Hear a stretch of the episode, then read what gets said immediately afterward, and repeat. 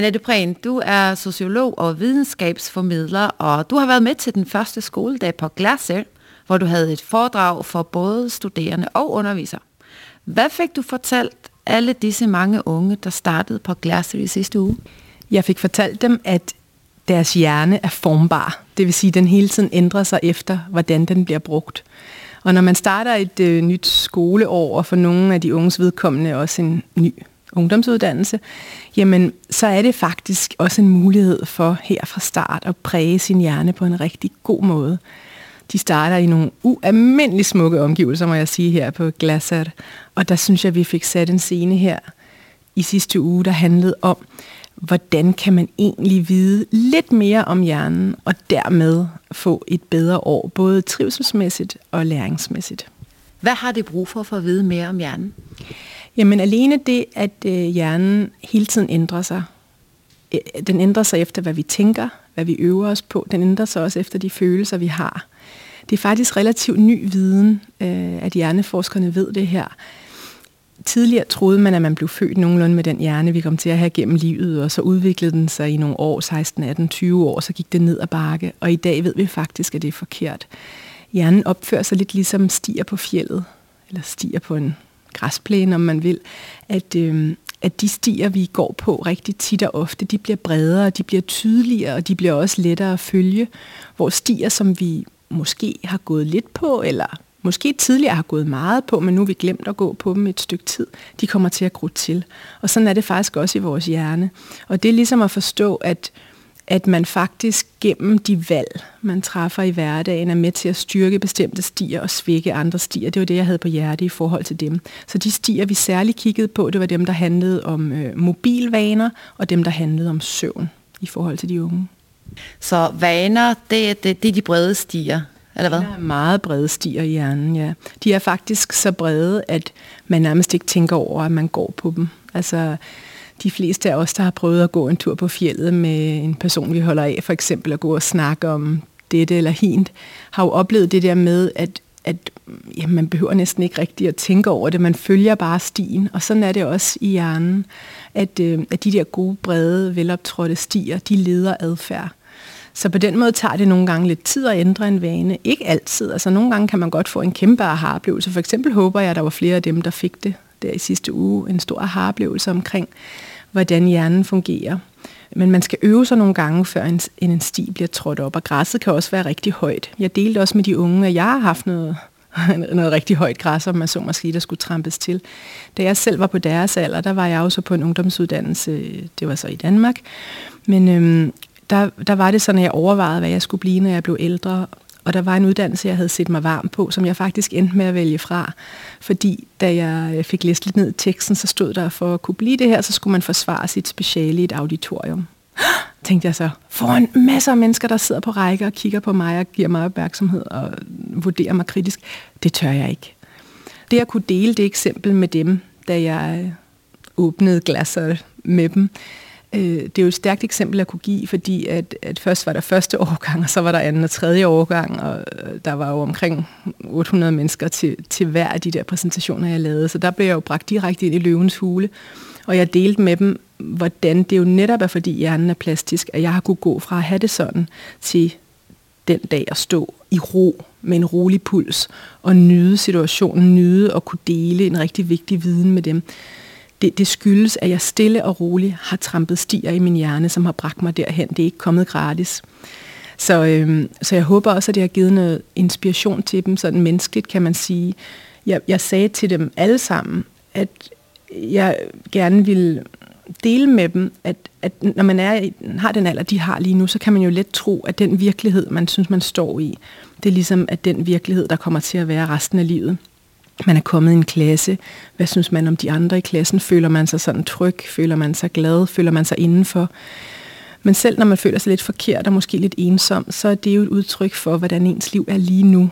Og ting kan ændre sig, og ting ændrer sig. Og det ønskede jeg også at dele med dem, at øh, selv hvis man måske føler sig skrøbelig, eller stresset, eller jamen sådan lidt malplaceret på en eller anden måde, så, øh, så, så, så ændrer det sig i livet. Altså ting former sig, og man kommer ind og ud af forskellige miljøer. Nogle gange passer man lidt bedre ind end andre, og nogle gange føler man sig lidt mere sådan på kanten end andre. Men ligesom have tillid til livet, have tillid til, at det vil føre ind nogle gode steder hen. Det var noget, det jeg havde rigtig meget på hjerte i forhold til dem. Er det svært for de unge at uh, tro på de gode ting, når de er i den her alder? Øh, jeg tror, det kan være det i hvert fald.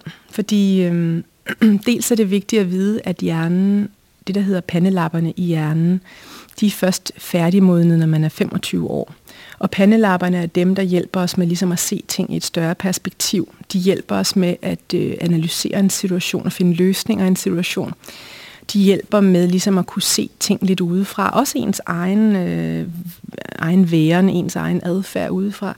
De hjælper os til at kunne se andre indefra, altså udvise empati og kunne vurdere risici og jamen sådan mm, impulskontrollere, have, have mega meget lyst til noget, og så ligesom tilvælge en anden sti, fordi man ved, at den er mere hensigtsmæssig for en. Så pandelapperne øh, rummer en meget, meget vigtig funktion i menneskelivet.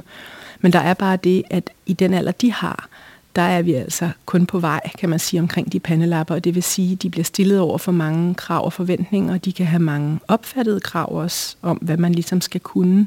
Noget af det, vi taler meget om i Danmark for tiden, det er sådan noget med perfekthedskultur, frygten for fejl.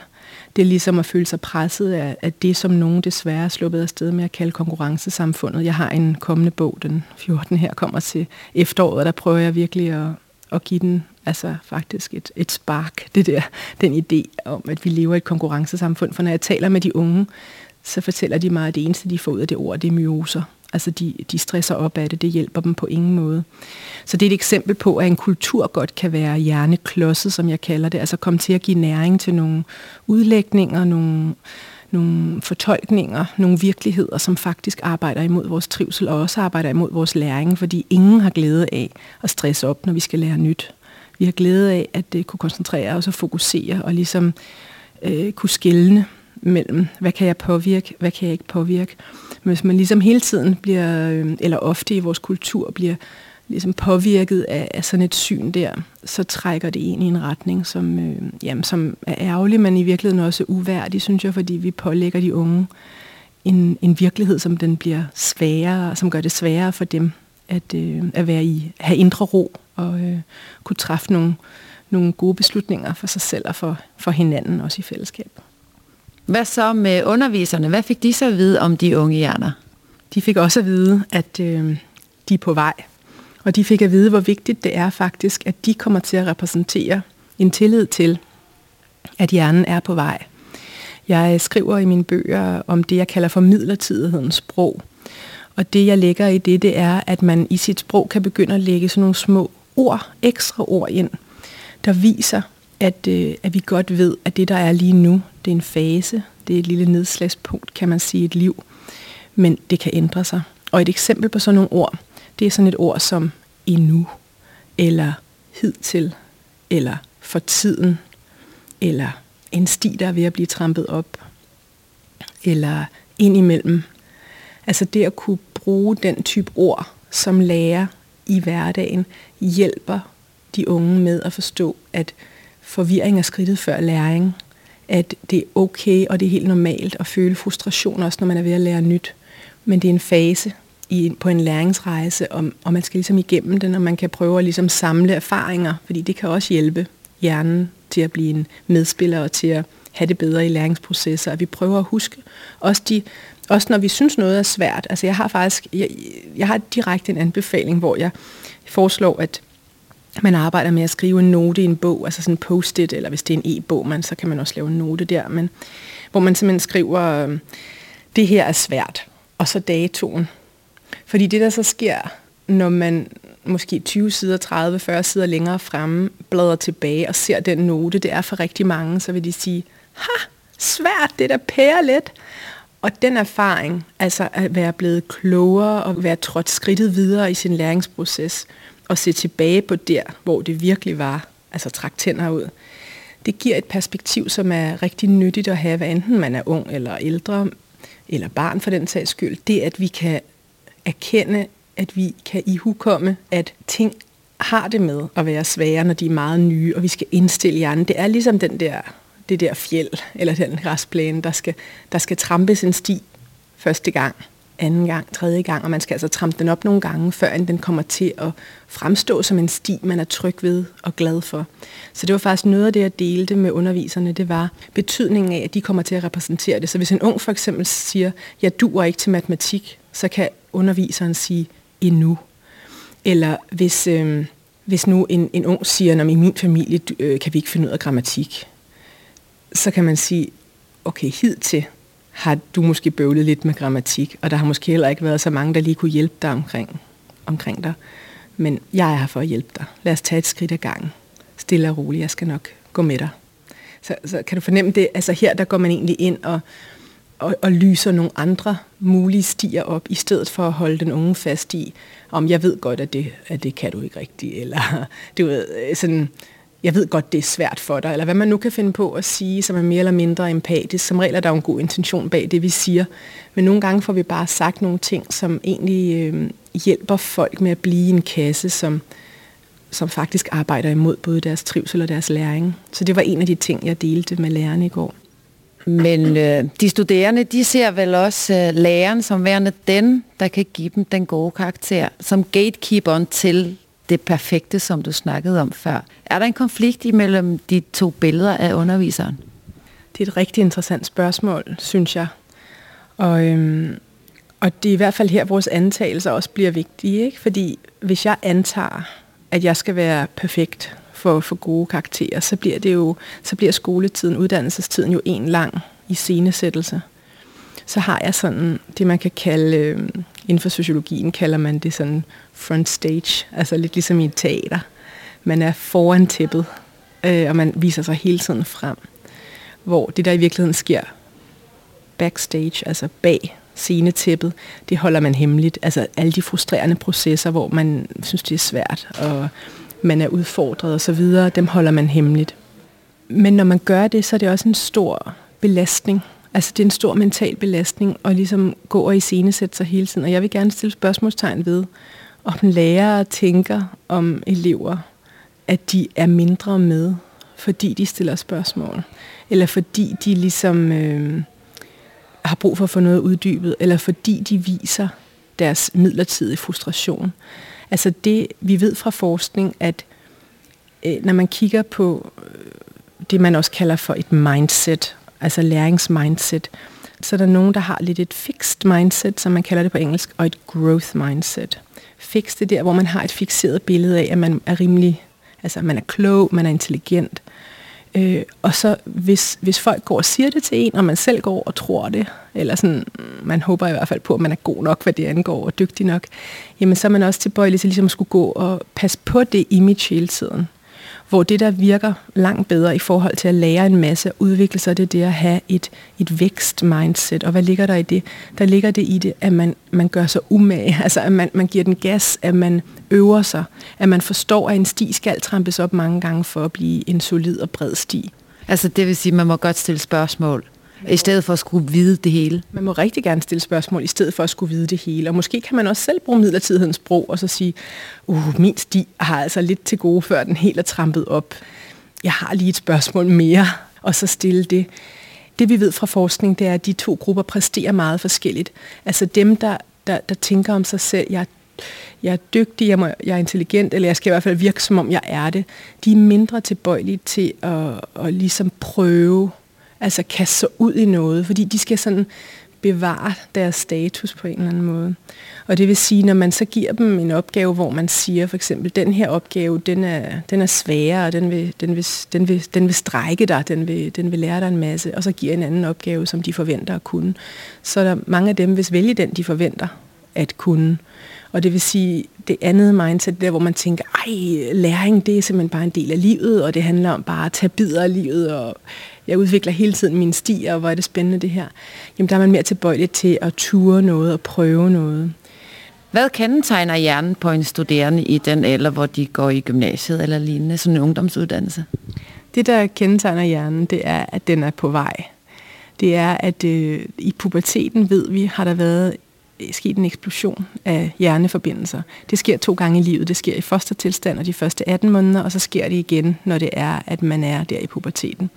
Så teenager, de har lige gennemlevet den her fase, hvor der bare er kommet masser af flere forbindelser i hjernen, og at hjernen er i særdeleshed er i gang med det her princip use it or lose it, brug det eller miste det.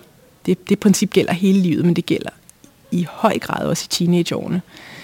Derfor kigger hjernen på, hvilke forbindelser bruger jeg, og, øh, og hvilke skal skæres væk. Og, og det er noget af det, jeg også gerne har ville inspirere med her i forhold til de unge, det er at prøve at tænke lidt over for eksempel sådan noget som mobilvaner. Altså hver gang vi går rundt med en tændt mobil, og den øh, kan ringe i tider i utid, eller vi kan gribe den i tider i utid for ligesom at skulle tjekke noget, eller svare på noget, eller holde gang i en eller anden tråd på sociale medier, jamen så opøver vi os i distraktion. Vi opøver os i faktisk også at skride opmærksomhedsmæssigt fra det rum, vi er i. Og hvis vi er sammen med andre mennesker, så kan man sige, at nogle af de stier, der risikerer at komme til at gro til, det er sådan noget som nærværstien og respektstien og også empatistien. Og, og noget af det, jeg gerne vil pege hen imod også øh, i det hele taget, når jeg formidler, det er at, at være opmærksom på, at de vaner, som vi for tiden har i vores kultur omkring mobiler, at de kan gøre mennesker ensomme, og de kan få os til at føle os underkendt. Altså, hvis jeg sidder og har en samtale med dig, og så skal jeg også lige tjekke min mobil, så har jeg jo dermed sagt, at det kan godt være, at du er lige i gang med at sige noget vigtigt til mig, men jeg er sådan set ligeglad, fordi der er noget, der er vigtigere i mit liv. Det kan også smitte en gruppe, hvis vi sad fem rundt om bordet her, så hvis det var sådan, at, at du var ved at sige noget, og den ene af os skriver mobilen, så er det jo det samme som at sige til de andre. Det kan godt være, at I synes, at det er nok så interessant at høre på Elin lige nu, men jeg har altså vigtigere ting at tage mig til. Så det der med at forstå de sociale implikationer af mobilbrug, det, det vil jeg gerne øh, bidrage til, at vi bliver opmærksomme på. Og som jeg sagde til dem, øh, da jeg holdt oplægget, det var, altså min mobil er slukket nu, fordi jeg er sammen med jer. Jeg giver jer mit nærvær, jeg giver jer min opmærksomhed. Og det håber jeg, I kan mærke. Men selv hvis statsministeren af Danmark ringer til mig lige nu, så vil han komme på telefonsvarer. Og sådan er det. Han må vente, fordi nu er jeg her med mit nærvær. Så det lyder som om, at den der multitasking, som man siger, at de unge er så gode til, det er du ikke tilhænger af? Jamen, det er ikke så meget om, hvad jeg er tilhænger af. Det er noget, hvad vi ved forskningsmæssigt. Vi kan ikke multitaske. Jeg ved godt, at nogen tror, at de kan, og der er også nogle gange flere kvinder, der tror, at de kan. Men, men det at multitaske er noget andet end at have mange bolde i luften, fordi vi kan godt sådan gå fra opgave til opgave og ligesom netop jonglere med mange bolde. Det, der, det, det er en mulighed. Men det, der sker, når vi prøver at multitaske, det er jo for eksempel, hvis der er en, der vil sige noget til os, og så skal vi lige gå fra og skrive noget. Altså, der, der kommer du til at tabe opmærksomheden. Du kan ikke fastholde det, fordi det er to for komplicerede øvelser. Man kan godt stå og høre radio og skrælle gulerødder samtidig. Det går, fordi de konkurrerer ikke med hinanden, de to opgaver, og det er sådan relativt enkelt at, at skrælle gulerødder. Men, øh, men du kan forestille dig måske, at du skal sidde og skrive en eller anden rapport på din computer om aftenen, og så skal du også lige høre nogle politikere på tv diskutere noget. Altså det du, det, du typisk vil ende med at høre, det er måske tonefald. Det var, hvornår var det, de blev vrede på hinanden, eller et eller andet. Altså e-, essensen, detaljerne og sådan noget forsvinder. Så, så det er det ærgerlige læringsmæssigt ved at træne sig op i at multitaske, men, men jeg, jeg delte også med dem, at vi skal også være opmærksomme på, at vi kan jo gøre hinanden bedre, vi kan spille hinanden bedre, og de kan spille deres lærere bedre. Fordi det at være, altså lærere er også mennesker, og de har også følelser.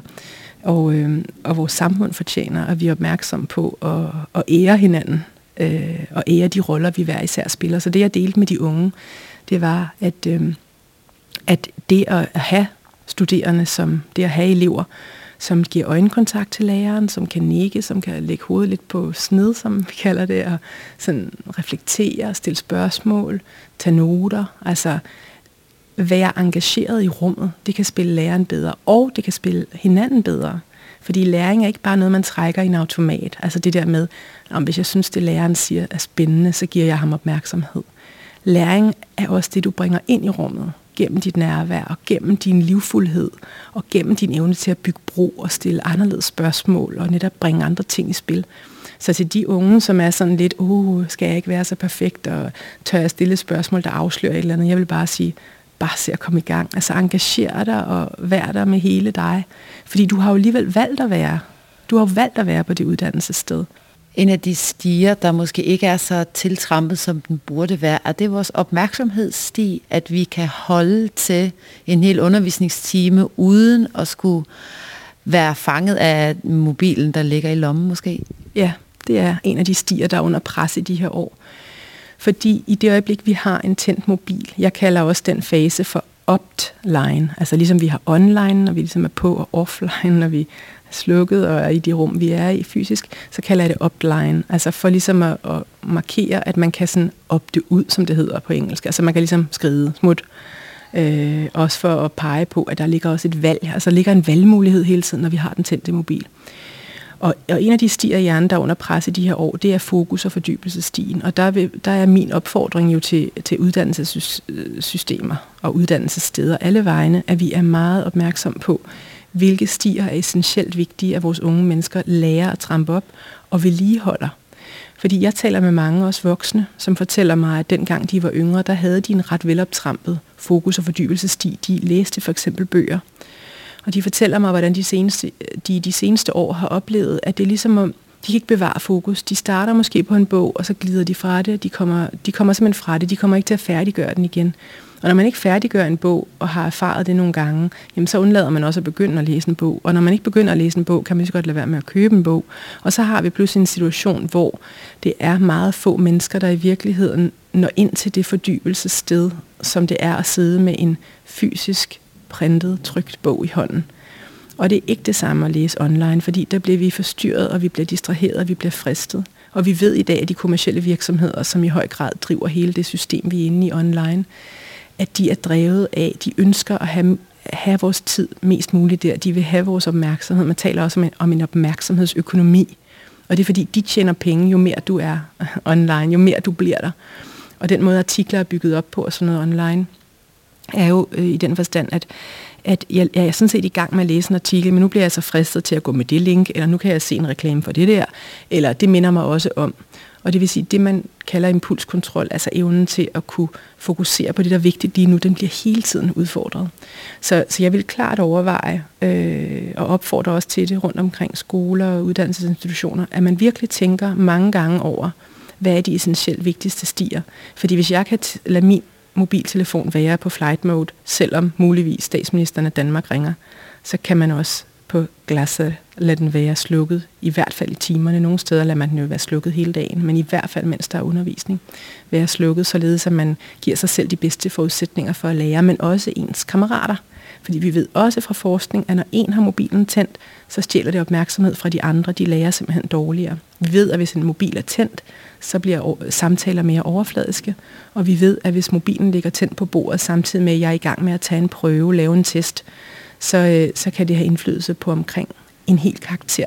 Selvom der ikke sker noget på den mobil? Selvom der ikke sker noget, fordi den stjæler opmærksomhed.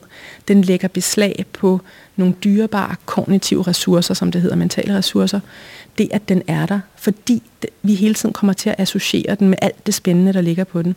Så det er jo ikke en kritik af digitalisering som sådan, om end man også godt kan overveje, hvad skal være, hvad skal foregå digitalt, og hvad skal foregå ligesom analogt eller i det fysiske rum.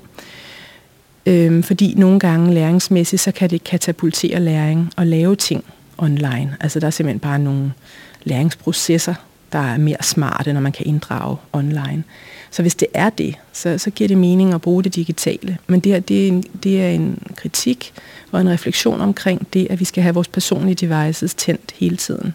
Fordi de kommer til, altså din er skræddersyet til dig, og til alt det, du synes er interessant i hele verden. Og hvis jeg fik din mobil, så ville jeg måske synes, at noget af det er interessant, men meget vil nok ikke være det, og det samme vil være det omvendt.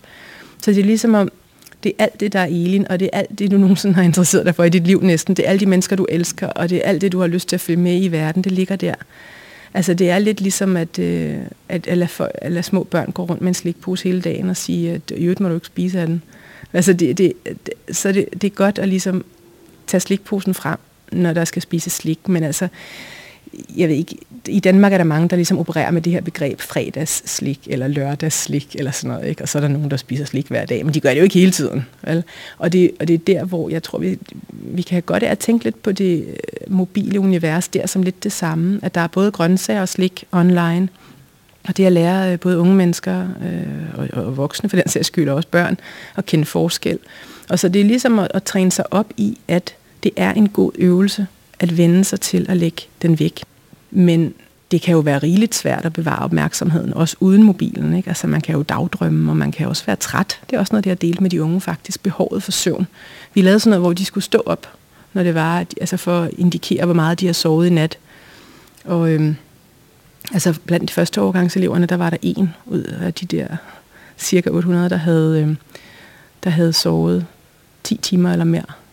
Og der var et par håndfulde, der havde sovet omkring 9 og så gik det ellers ned ad bakke. Og det vi ved fra international forskning, det er, at unge mennesker i særdeleshed, fordi deres hjerne er i gang med de der brug eller miste processer, har de brug for omkring 9 timer et kvarter, og det er hver nat.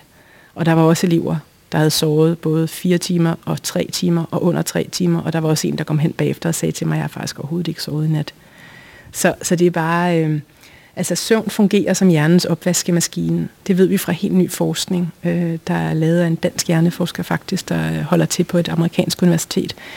Og hendes team har fundet ud af, at det er lidt ligesom, når vi går i seng om aftenen, så sætter vi opvaskemaskinen til og tænder for programmet, og så vasker det. Så går det i gang med at vaske. Men hvis vi så vågner for tidligt i forhold til det, der er vores behov, og det kan selvfølgelig variere. Altså det er jo plus minus, når jeg siger 9 timer et kvarter. Så er der nogen, der har brug for lidt mere, og nogen har brug for lidt mindre.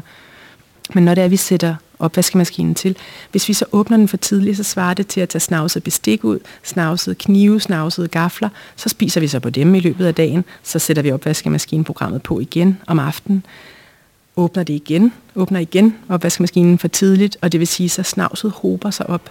Og det delte jeg faktisk med de unge, fordi forskerne mener, de har som det, der hedder hypotese, altså som antagelse lige nu, at ophobet snavs i hjernen kan give anledning til en række mentale sygdomme.